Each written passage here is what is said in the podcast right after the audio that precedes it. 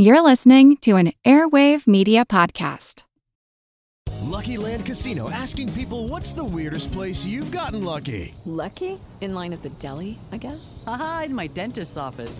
More than once, actually. Do I have to say? Yes, you do. In the car before my kids' PTA meeting. Really? Yes. Excuse me, what's the weirdest place you've gotten lucky? I never win and tell. Well, there you have it. You can get lucky anywhere playing at LuckyLandSlots.com. Play for free right now. Are you feeling lucky? No purchase necessary. Void where prohibited by law. 18 plus. Terms and conditions apply. See website for details.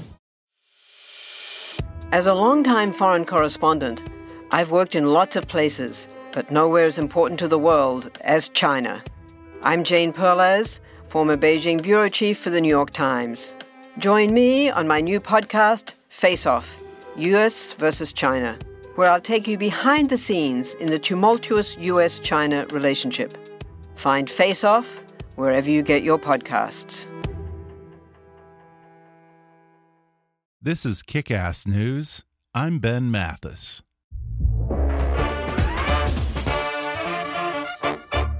Hi, folks. Ben here with a quick favor to ask. There are some great advertisers who support the show, and in order for them to continue doing that, I need your help. Please do me a favor and go to podsurvey.com slash kick and take a quick anonymous survey that will help us get to know you a little better. Even if you've taken our show's podcast listener survey before, the current one is new and different, so I'd really love for you to take it again. Plus, once you've completed the survey, you can enter to win a $100 Amazon gift card. Again, that's podsurvey, P-O-D-S-U-R-V-E-Y dot com slash kick. Thanks for your help, and now enjoy the podcast. Hi, I'm Ben Mathis, and welcome to Kick Ass News. My guest today has always had a unique way of looking at the world. The way he sees it, there's little around him that can't be questioned, quantified, and often beaten. The legendary mathematician Edward O. Thorp received his PhD from UCLA in 1958 and worked at MIT from 1959 to 1961.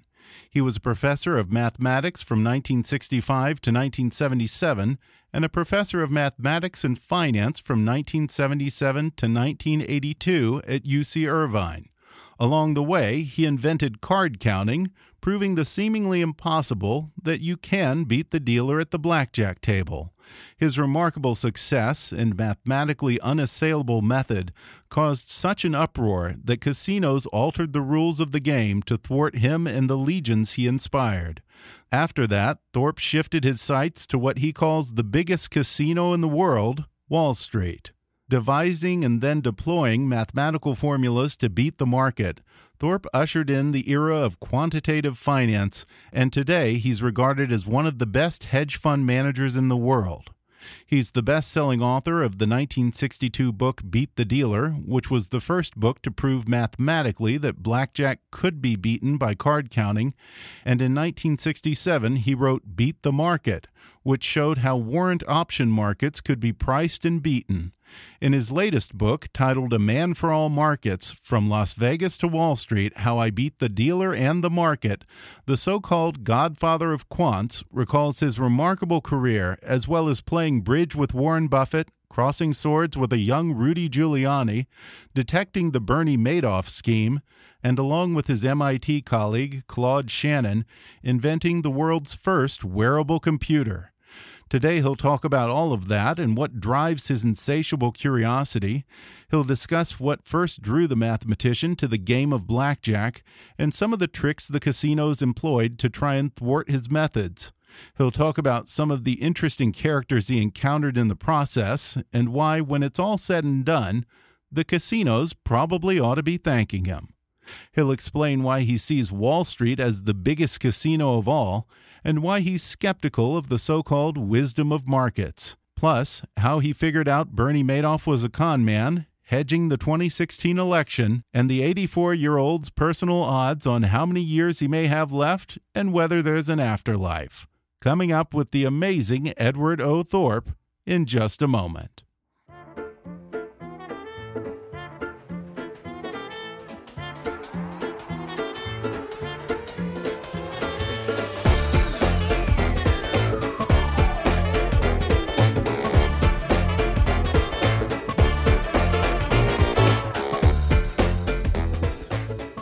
Edward Thorp is one of the most well known figures on Wall Street. Throughout his remarkable career, he's worked as a mathematics professor, hedge fund manager, blackjack player, and best selling author of books like Beat the Dealer and Beat the Market.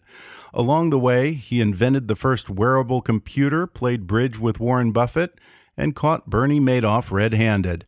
He writes all about it in his sixth book, a Man for All Markets From Las Vegas to Wall Street How I Beat the Dealer and the Market. Ed Thorp, you've had quite a life and still going. Thanks for sitting down and talking to me. My pleasure. Nice to meet you. You talk a lot about how when you were a kid, you had kind of this insatiable curiosity and this desire to question the rules. Um, where did that curiosity come from? Part of it was my father. He had a pretty rough life, and I was being raised during the Depression, so life was rough for the whole family then. And he, I think, attributed a lot of the problems that people were having then to the establishment and how it had basically brought the world to a low point through mismanagement. So I had a, a question authority bent to a certain extent that came partly from that, but it came probably more from the fact that I was mostly self taught after an early couple of years with uh, my father be- teaching me basics like reading, writing, and arithmetic. And then I was kind of on my own. So, teaching myself things, I found out that a lot of the conventional wisdom that people offer is either not well thought out or it's in their self interest. They're trying to accomplish something that benefits them. So, it made me evaluate information more carefully, I think, than people typically do. And that led me to come to conclusions about things that were sometimes very different than uh, the conventional wisdom. You followed that into college and then became a mathematics professor at MIT. Around that time, you took an interest in blackjack, of all things, because everyone said that you can't beat the house. And you were the one guy who said, Well, have we ever really tested that? Was it that kind of curiosity that led you to want to challenge this idea that you can't beat the house? Pretty much. When I came across blackjack as a game, just almost by accident, I thought about what people knew about it. It didn't seem like they really understood it very well. And I th- thought I'd think about it for myself. And when I actually played the game live, I realized that, in fact, the casinos didn't know much about it and the players didn't know much about it. I saw that there had to be a way to beat it by essentially counting cards. I reasoned that out, and now the problem was to actually do the work and for, uh, create a system that was practical, something you could do in real time under casino speed and pressure.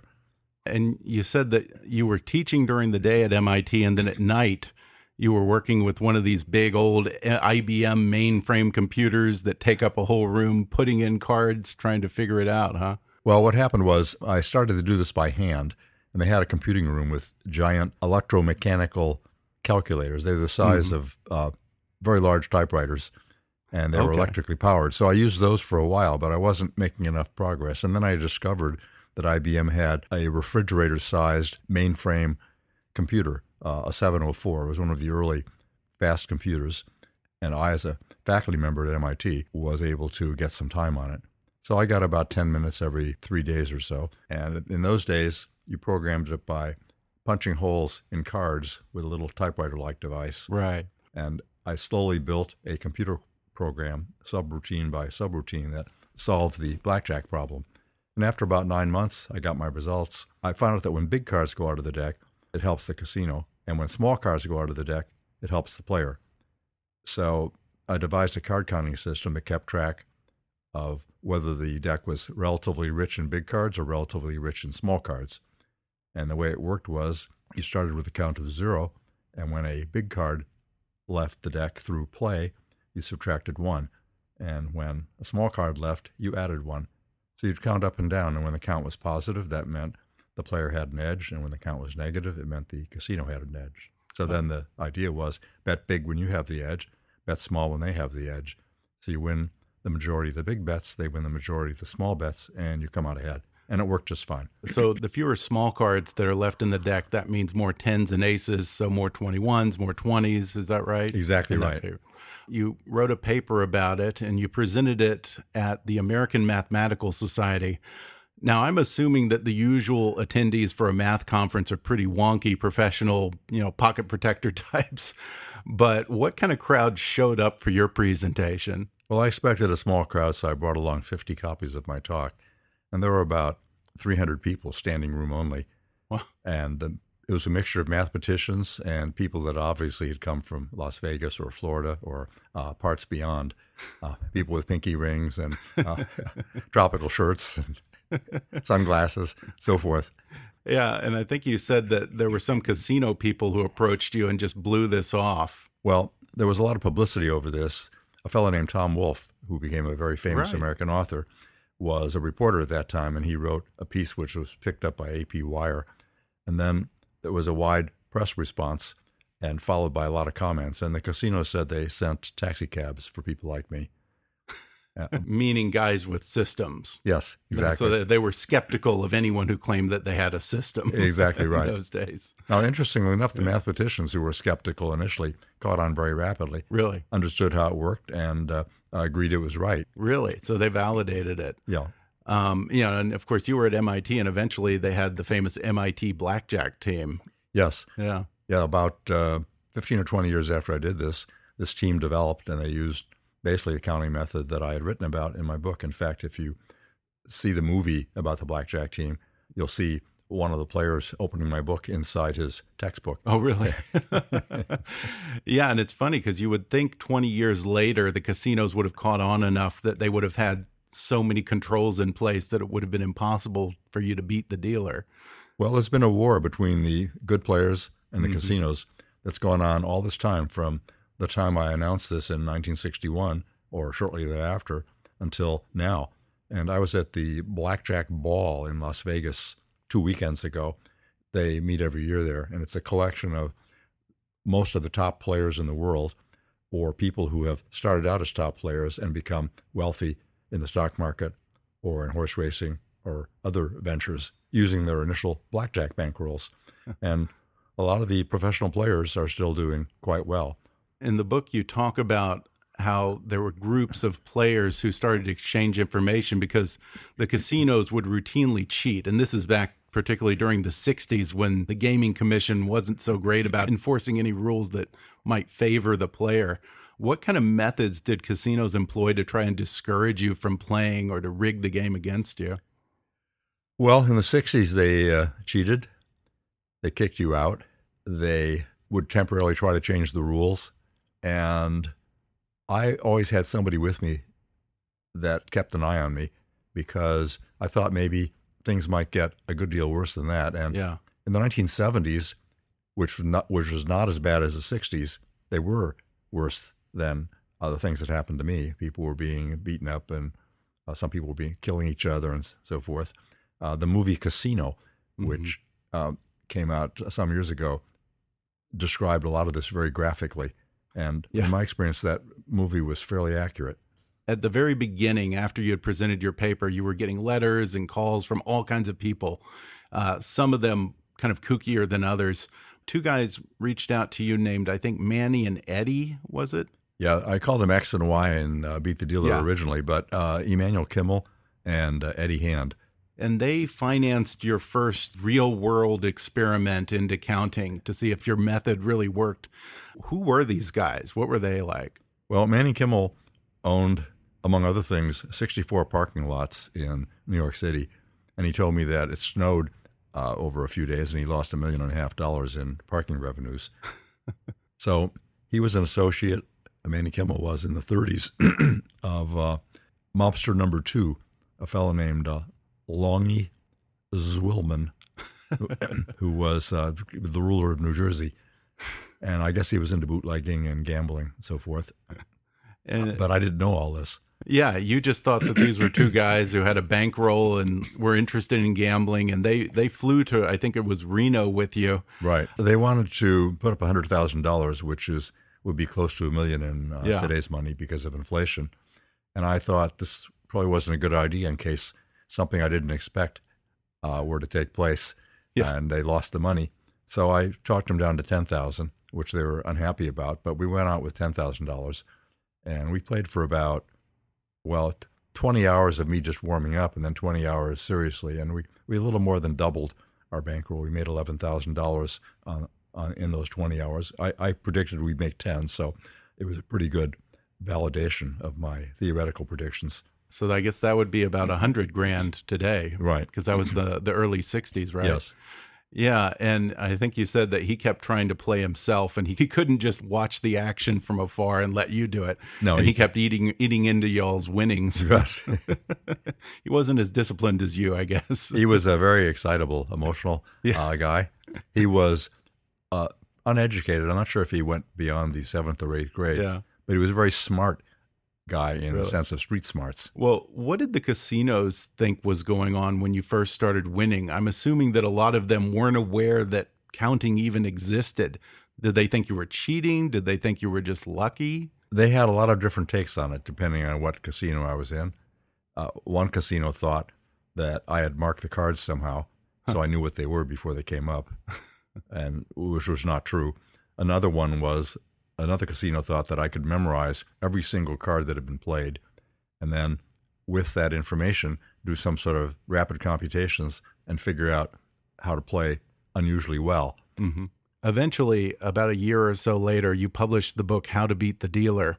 And you say that the book led to a boom in blackjack play, probably not unlike the upsurge we've seen in poker over the past decade or two. Um, but only a small percentage of players could count, and probably even fewer could count very well. So I wonder if you actually created net gains for the casinos by popularizing blackjack. Do you, do you think that maybe the casinos ought to be thanking you? Well, blackjack uh, surged beyond craps and became the most popular table game in Las Vegas, and the casinos should have ridden the boom and exploited it. Mm-hmm. But they were so upset about anybody t- taking any money out that they tried everything they could to frustrate the skilled players, and that drove away a lot of the unskilled players.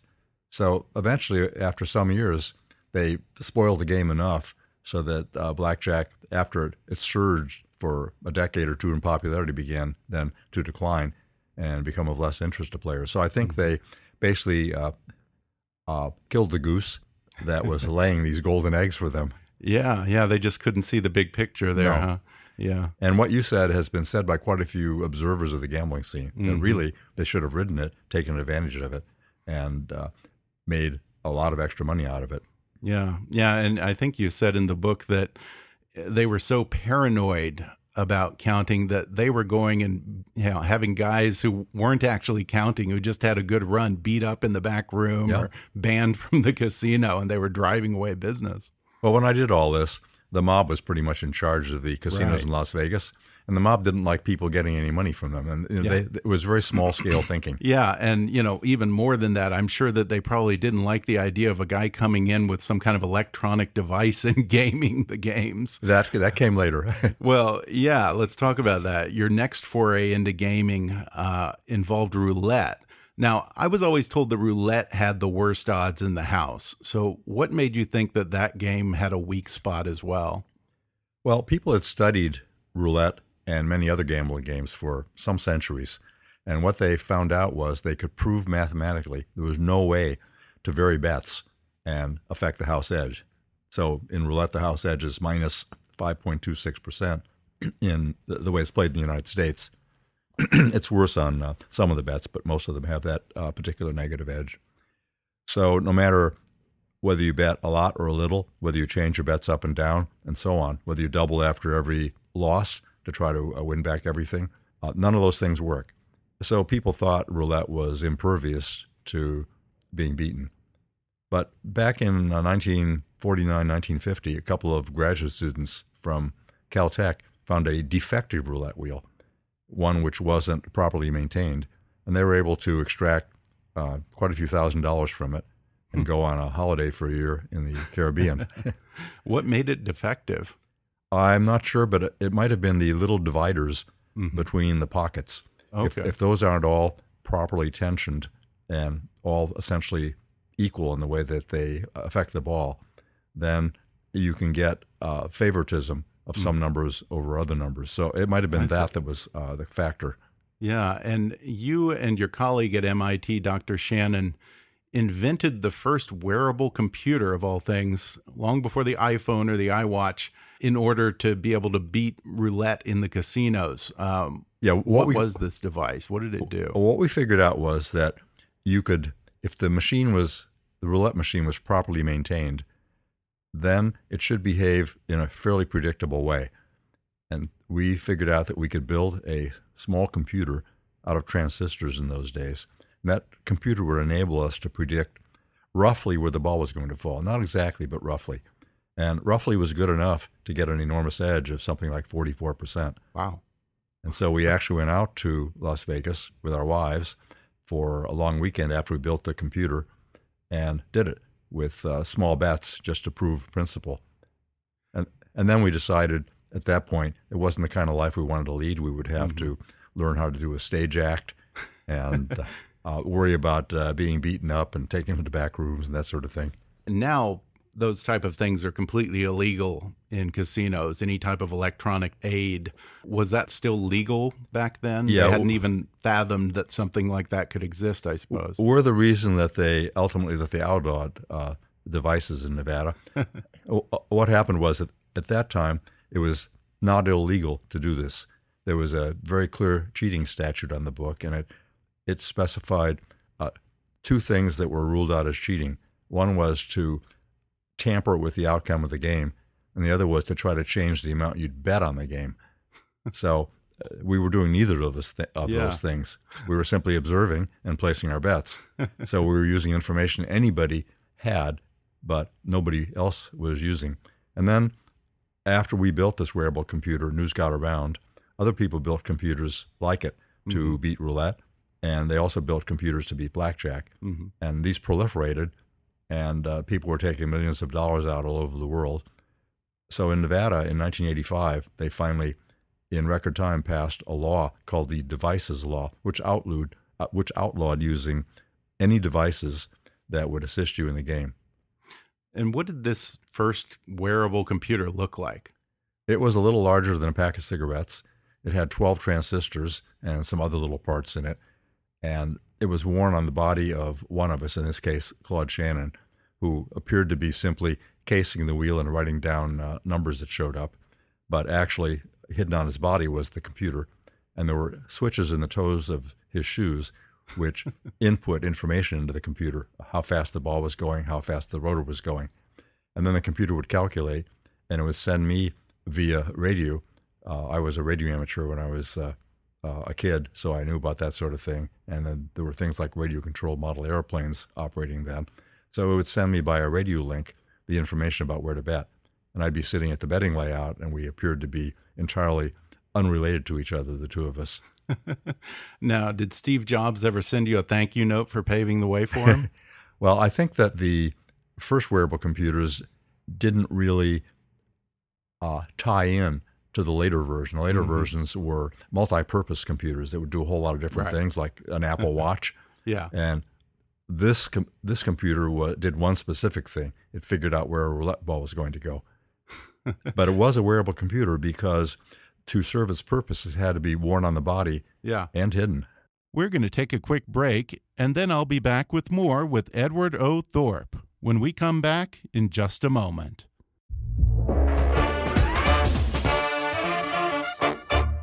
So it's a new year now, and there's no better time to launch an online business or expand your online presence for your existing business, and GoDaddy.com wants to help.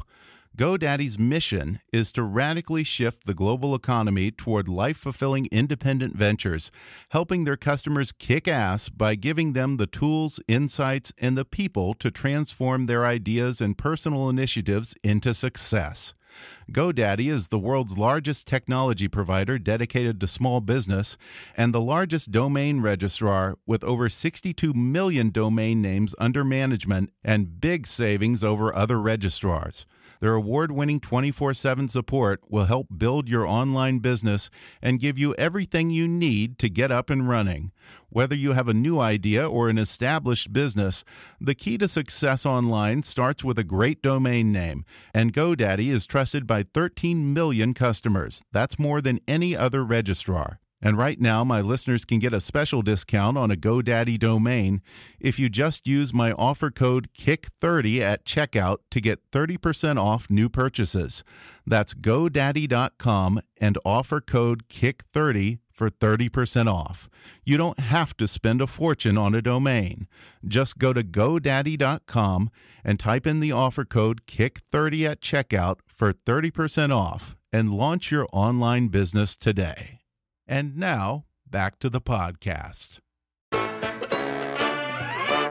At a certain point, you decided to focus more on teaching and move on from your gambling career. Um, but you took an interest in investing. What made you think that your knack for gambling and math could translate into success on Wall Street? Well, I didn't initially realize that was the case, but I'd accumulated a little money from book royalties and from winning in blackjack. Mm-hmm. And now I had some money to invest, first time in my life.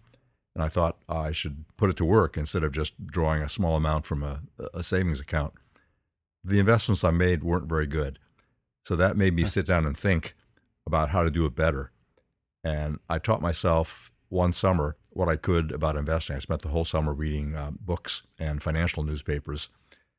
And I didn't really accomplish anything except get an education. And then the next summer, I started again, and I happened to come across a book on something called common stock purchase warrants. And those are very much like the options that trade on a huge scale today mm-hmm. in the mm-hmm. options markets.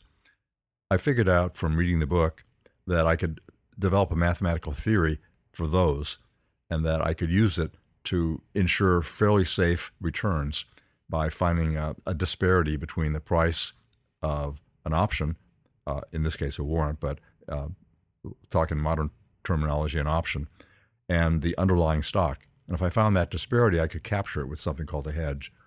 So I worked on that with uh, an economist I met at UCI, uh, UC Irvine, mm-hmm. and we wrote a book called Beat the Market, which came out in 1967 and outlined how we did that and how we made steady profits of uh, 20% a year or so now, you say in the book that gambling and investing are a lot alike. Uh, I'm sure there are a lot of brokers who bristled at that statement. um, so tell me, what are the similarities in your mind? Well, the first thing is if you put down a bet in a gambling casino, there's an uncertain payoff of some kind. You might get mm -hmm. more or less back than you bet. And you can associate probabilities with that payoff, sometimes accurately in the case of blackjack or roulette or craps, sometimes only roughly in the case of, let's say, sports betting. Mm -hmm. And on Wall Street, it's the same thing. You put down some money, you buy a stock or a, a bond or other things, and time passes and it changes in price, goes up or down. If you want to cash it in, you have an uncertain payoff, which may be greater or less than the amount you bet. So there's really no difference. The difference is apparent rather than real. In a casino, the action's fast. You're placing bets every minute or two minutes or five minutes or whatever. In the investment world, usually not. But now with high speed computers, they're placing them way faster than any human could in a casino. Mm-hmm. placing uh, millions of bets a day, some of these computers. Mm-hmm. So that's, that's one thing. There's one big difference, though, which makes Wall Street attractive compared with the casino. That is, in a casino, you've got to overcome the house edge. In Wall Street, the edge is in favor of the investors. And so you basically have to just prevent people from stealing your edge. and the way they steal it is they charge you fees for not doing anything, uh, investment advisory fees for doing no work. Uh, they induce you to trade on stories. So you do a lot of trading and uh, you lose money in trading costs, or you trade too much and you lose money by paying taxes that you don't need to pay, mm-hmm. so forth. So, uh, but the underlying thing is that if you just buy a bunch of stocks and sit on them, historically, you would make roughly 10% annualized before mm-hmm. Accounting for inflation. Inflation probably takes it down to about 7% annualized. One of the lessons that you learned along the way, you were talking about how it was hard initially to view an investment in terms of the big picture in the market, and you were viewing it more in terms of where you came in. Well, one thing I learned fairly early was the concept of anchoring, which is well known now in the psychological studies of investing. And anchoring is where you get in at a certain price. Like you buy, I bought a stock at 40 and it went down to 20. So I decided that I would hang on until it got back to 40. But that was entirely stupid because the price I bought it at means nothing to anybody else or the marketplace. And so there's no reason to use getting back to where I bought it at as the place to exit. And so I learned that, that little thing at some expense and never did that again. and there were quite a few other lessons I learned along the way that are spelled out, spelled out in the book. yeah, and you were really one of the fathers of quantitative investing. Now, when I think of quantitative investing today, I think of some wild guy in front of a bank of computers trading like a madman. You took a much more measured, maybe Warren Buffett like approach. Uh, explain exactly what you did. I looked for situations where I was almost sure to make a profit and that had very little downside risk. Mm-hmm. And I was always trying to eliminate the downside risk in investing. So I, I created uh, so called derivatives hedges before uh, these things were called derivatives. And the derivatives I used in the early days were things like uh, warrants, convertible preferreds, and convertible bonds. And then I branched out into a much wider range of them. So these hedges individually had a rather small amount of risk. And when they captured the disparity between the two sides of the hedge, then I would cash it out. I created a portfolio of these hedges. And the portfolio was very stable against uh, all kinds of extreme events. For instance, in 1987, the stock market fell 23% in a single day. Our positions were essentially undisturbed by that. Really? Individual positions went in many different directions, but the hedges took out most of the risk, and the fact we, we were diversified over a lot of positions did away with the rest of the risk. Well, I wonder in the age of quantitative investing and more and more machines taking over for traders, um, are there still areas where human traders and individual investors have a chance at beating the market? Well, the large scale professional investors, some of them can do quite well. Some of the big hedge funds mm-hmm. are very good. And they do that by looking at lots of special situations that arise. And these tend to arise outside the big listed securities markets. In new issues, there'll be opportunities sometimes. There'll be opportunities in closed end funds. And then some companies get significantly significantly out of whack, and you can uh, sometimes get an edge. And then there are privately held companies which offer opportunities. So venture capitalists have found quite a few mm-hmm. good things. Sure. You take a very skeptical view of the wisdom of financial markets. Why? Well, if you look at expert opinion generally, what you find is that there are sort of two kinds of people. One group has been called uh, hedgehogs, and there's simplistically people who know some big thing and keep pounding away on it, like uh, the market's going to blow up sometime in the near future. Mm-hmm. And if you keep saying that, uh, every once in a while it does blow up, and you're right. Like a stop clock is right twice a day. and then there are people that are called foxes, and those are people who weigh a lot of different possibilities and think about them, and don't draw conclusions until they have information to support the level of conclusion they're drawing. So they think in probabilities mm-hmm. and scenarios, and will revise their views fairly readily. But they aren't the kind of people that are going to make headlines on news shows because they're more on the one hand, on the other hand type of people. Okay. What they found is that those people are better predictors. They can't predict very well, but they can predict some. Mm-hmm. And the sum is enough to be quite valuable in a number of circumstances. And both academics and uh, the government are quite interested in this very topic because they want to be able to predict things a little better than uh, just by chance. Um, what period in history do you think today's market most resembles? I don't know the answer to that. okay. well, then um, I want to ask you about Bernie Madoff. Um, at a certain point, you crossed paths with the infamous swindler Bernie Madoff, and you say that you were on to him. How did you discover his scam? Well, his scam blew up in 2008, just uh, to review for people. Mm-hmm. And at that time, there was something like 65 billion in fake money involved. But I first learned about him back in 1991, and the reason was I was called back by an international consulting firm to review their alternative investment portfolio. Everything seemed reasonable that I looked at except for one investment, and that was with BMIS, Bernard Madoff Investment Securities. When I looked at it, I saw that they were making money regularly every month, whether the market was up or down. Mm-hmm. And with the holdings they had, you could apply logic to those holdings and see that in up markets, they should do, they should be ahead, they should make money, but not quite as much as the market. And in down markets, they should lose money, but not quite as much. Mm-hmm. But they made more than they should in the up markets, and they didn't lose in down markets. And the reason, in fact, they did well in down markets uh, in a given month because they added a magical trade, which was to sell short S&P 500 stock index futures, and they did a big enough trade so that they came out ahead one or two percent for that month. So every month they were making one or two percent. It looked phony to me. I asked to go over there.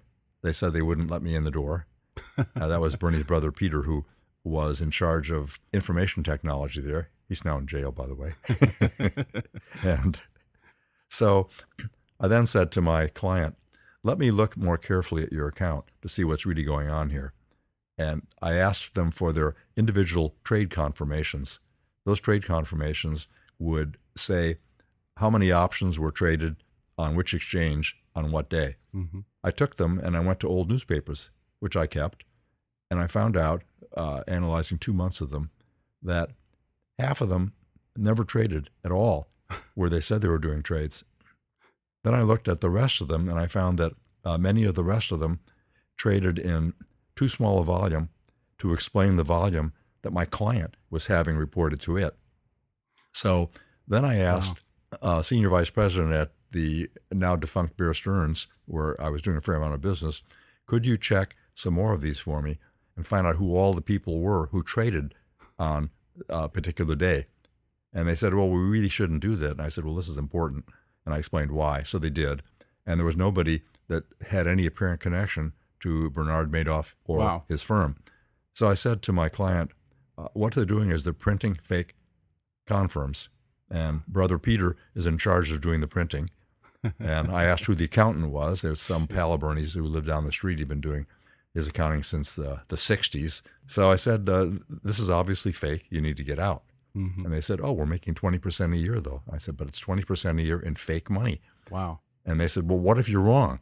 I said, Well, there's a way you can protect yourself. Just move your money from there into your next best investment, which makes around 16%. percent Mm-hmm. So you're risking 4% in what I claim is fake money. Yeah. But I said, What if I'm right and you stay in? Mm-hmm. Uh, and this thing blows up while you're still working for this company. So when they heard that, that their jobs were at risk, they were out in two months.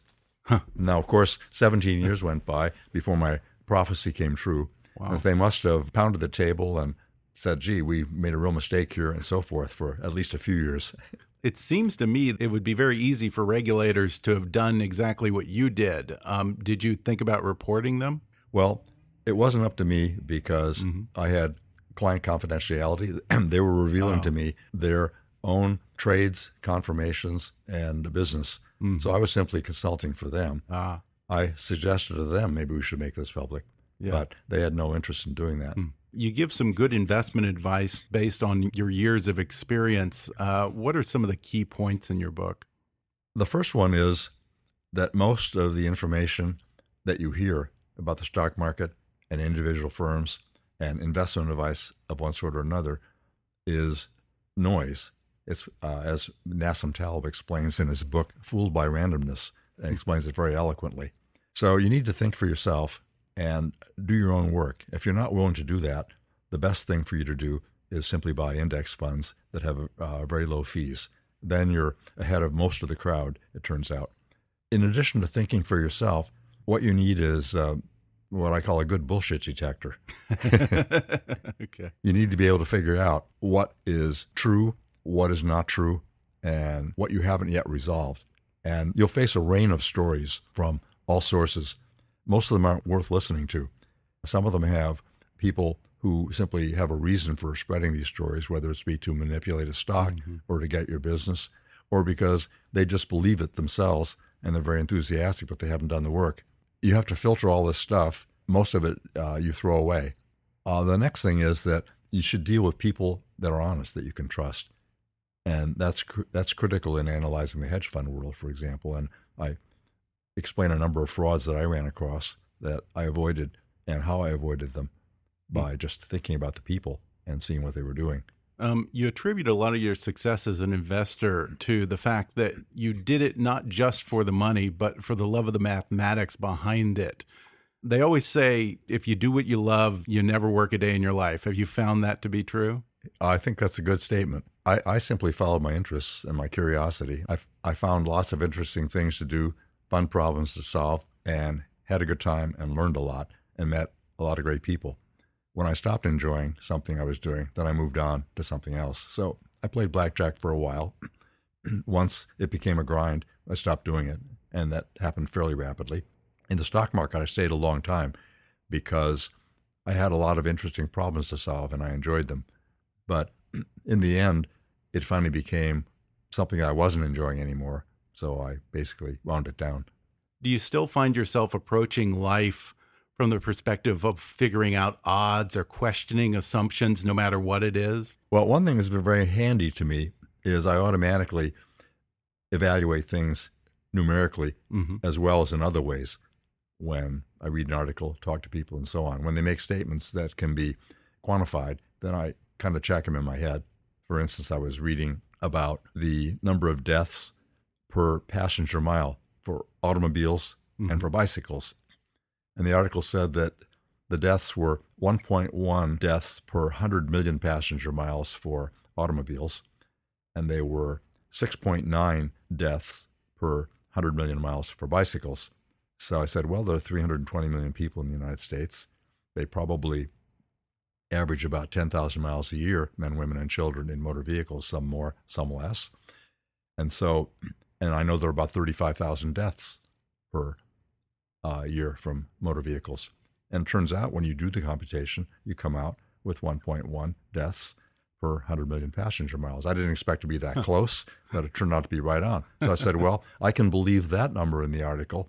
So that increases my willingness to believe the other number. It doesn't prove it, but it, it, makes me think maybe uh, they did their homework and they got a good number there. Mm-hmm. So I do that sort of thing with, okay. just automatically. Yeah. Did you place odds on the presidential election? I told people before the election that the chance of Trump winning was bigger than they thought it was really? from the polls. now, uh, the, what did you base that on? Well, the the day of the election, I said that I thought the odds were about 25% that Trump was going to win. And other people thought it was way less. And my reasoning was that there's an error in the polls. And the standard error historically is typically around 4%, going right into the election. Mm-hmm. So they thought uh, Hillary Clinton was going to win the popular vote by a couple of percent. So when you factor in a 4% uh, standard, standard error, you get this pretty big number of 25% for Trump. Mm-hmm. And I said people just aren't thinking that way. They they think that if the polls favor Hillary Clinton, then she then she's sure to win. It's just like saying you've got yeah. a coin with a 60% chance of heads and a 40% chance of tails. it wouldn't be clear thinking to think it's always going to come out heads. Right. It's only going to come out heads most of yeah. the time. But I made a mistake myself. And the mistake I made was I didn't think through the details of how the Electoral College also affects the vote. Right. Oh, yeah. And had yeah. I thought that through, mm-hmm. I would have raised the odds even higher. Really? Yeah. well, before we go, you're 84, although I would never be able to tell. I should hope to be that sharp at your age.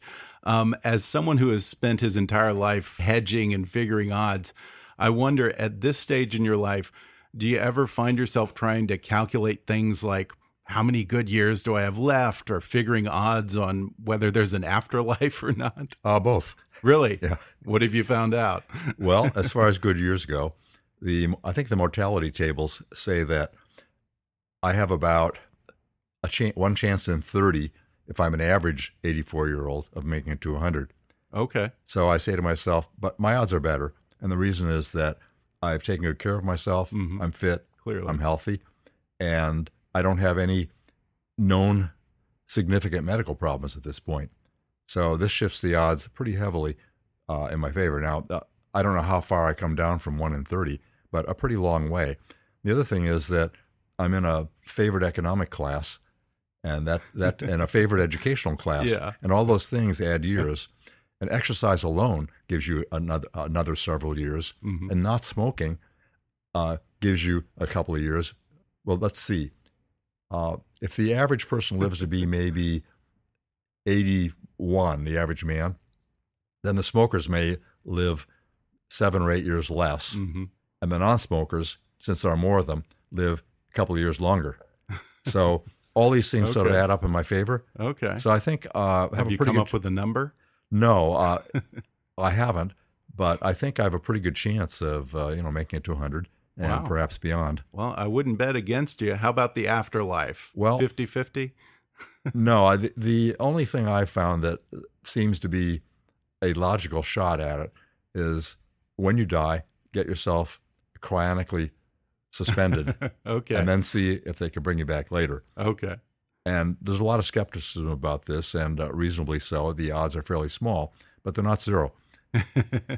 okay. And science is advancing very rapidly. True. things that are mira- were uh, commonplace now were, would be miracles if somebody from 100 years ago saw them. Yeah, isn't there a doctor in Italy who's planning to do a, a head reattachment? Yeah. onto some, onto a different body at Yes. some point in the next year. I think he said. Yes. and if that catches on, we're going to need a lot more motorcyclists. Yeah. well, again, the book is called A Man for All Markets From Las Vegas to Wall Street How I Beat the Dealer and the Market. Ed Thorp, thanks so much for sitting down with me. My pleasure. Very nice to meet you and talk to you. Thanks again to Ed Thorp for joining me on the podcast. If you enjoyed today's episode, then you can order his new book, A Man for All Markets From Las Vegas to Wall Street How I Beat the Dealer and the Market on Amazon. Or you can download the audio version for free through a special trial offer just for our listeners at audibletrial.com slash kickassnews. And you can keep up with Ed on his website, edwardothorp.com. Be sure to subscribe to Kickass News on iTunes and leave us a review while you're there. Don't forget to take our listener survey. It only takes five minutes at podsurvey.com slash kick. You can visit Kickass News on Facebook and follow us on Twitter at, at KickassNewsPod. And be sure to recommend Kickass News to your friends on your social media. And if you really want to help out, then donate to our GoFundMe campaign at gofundme.com slash kickassnews or click on the donate button at kickassnews.com. As always, I welcome your comments, questions, and suggestions at comments at kickassnews.com. For now, though, I'm Ben Mathis, and thanks for listening to Kickass News.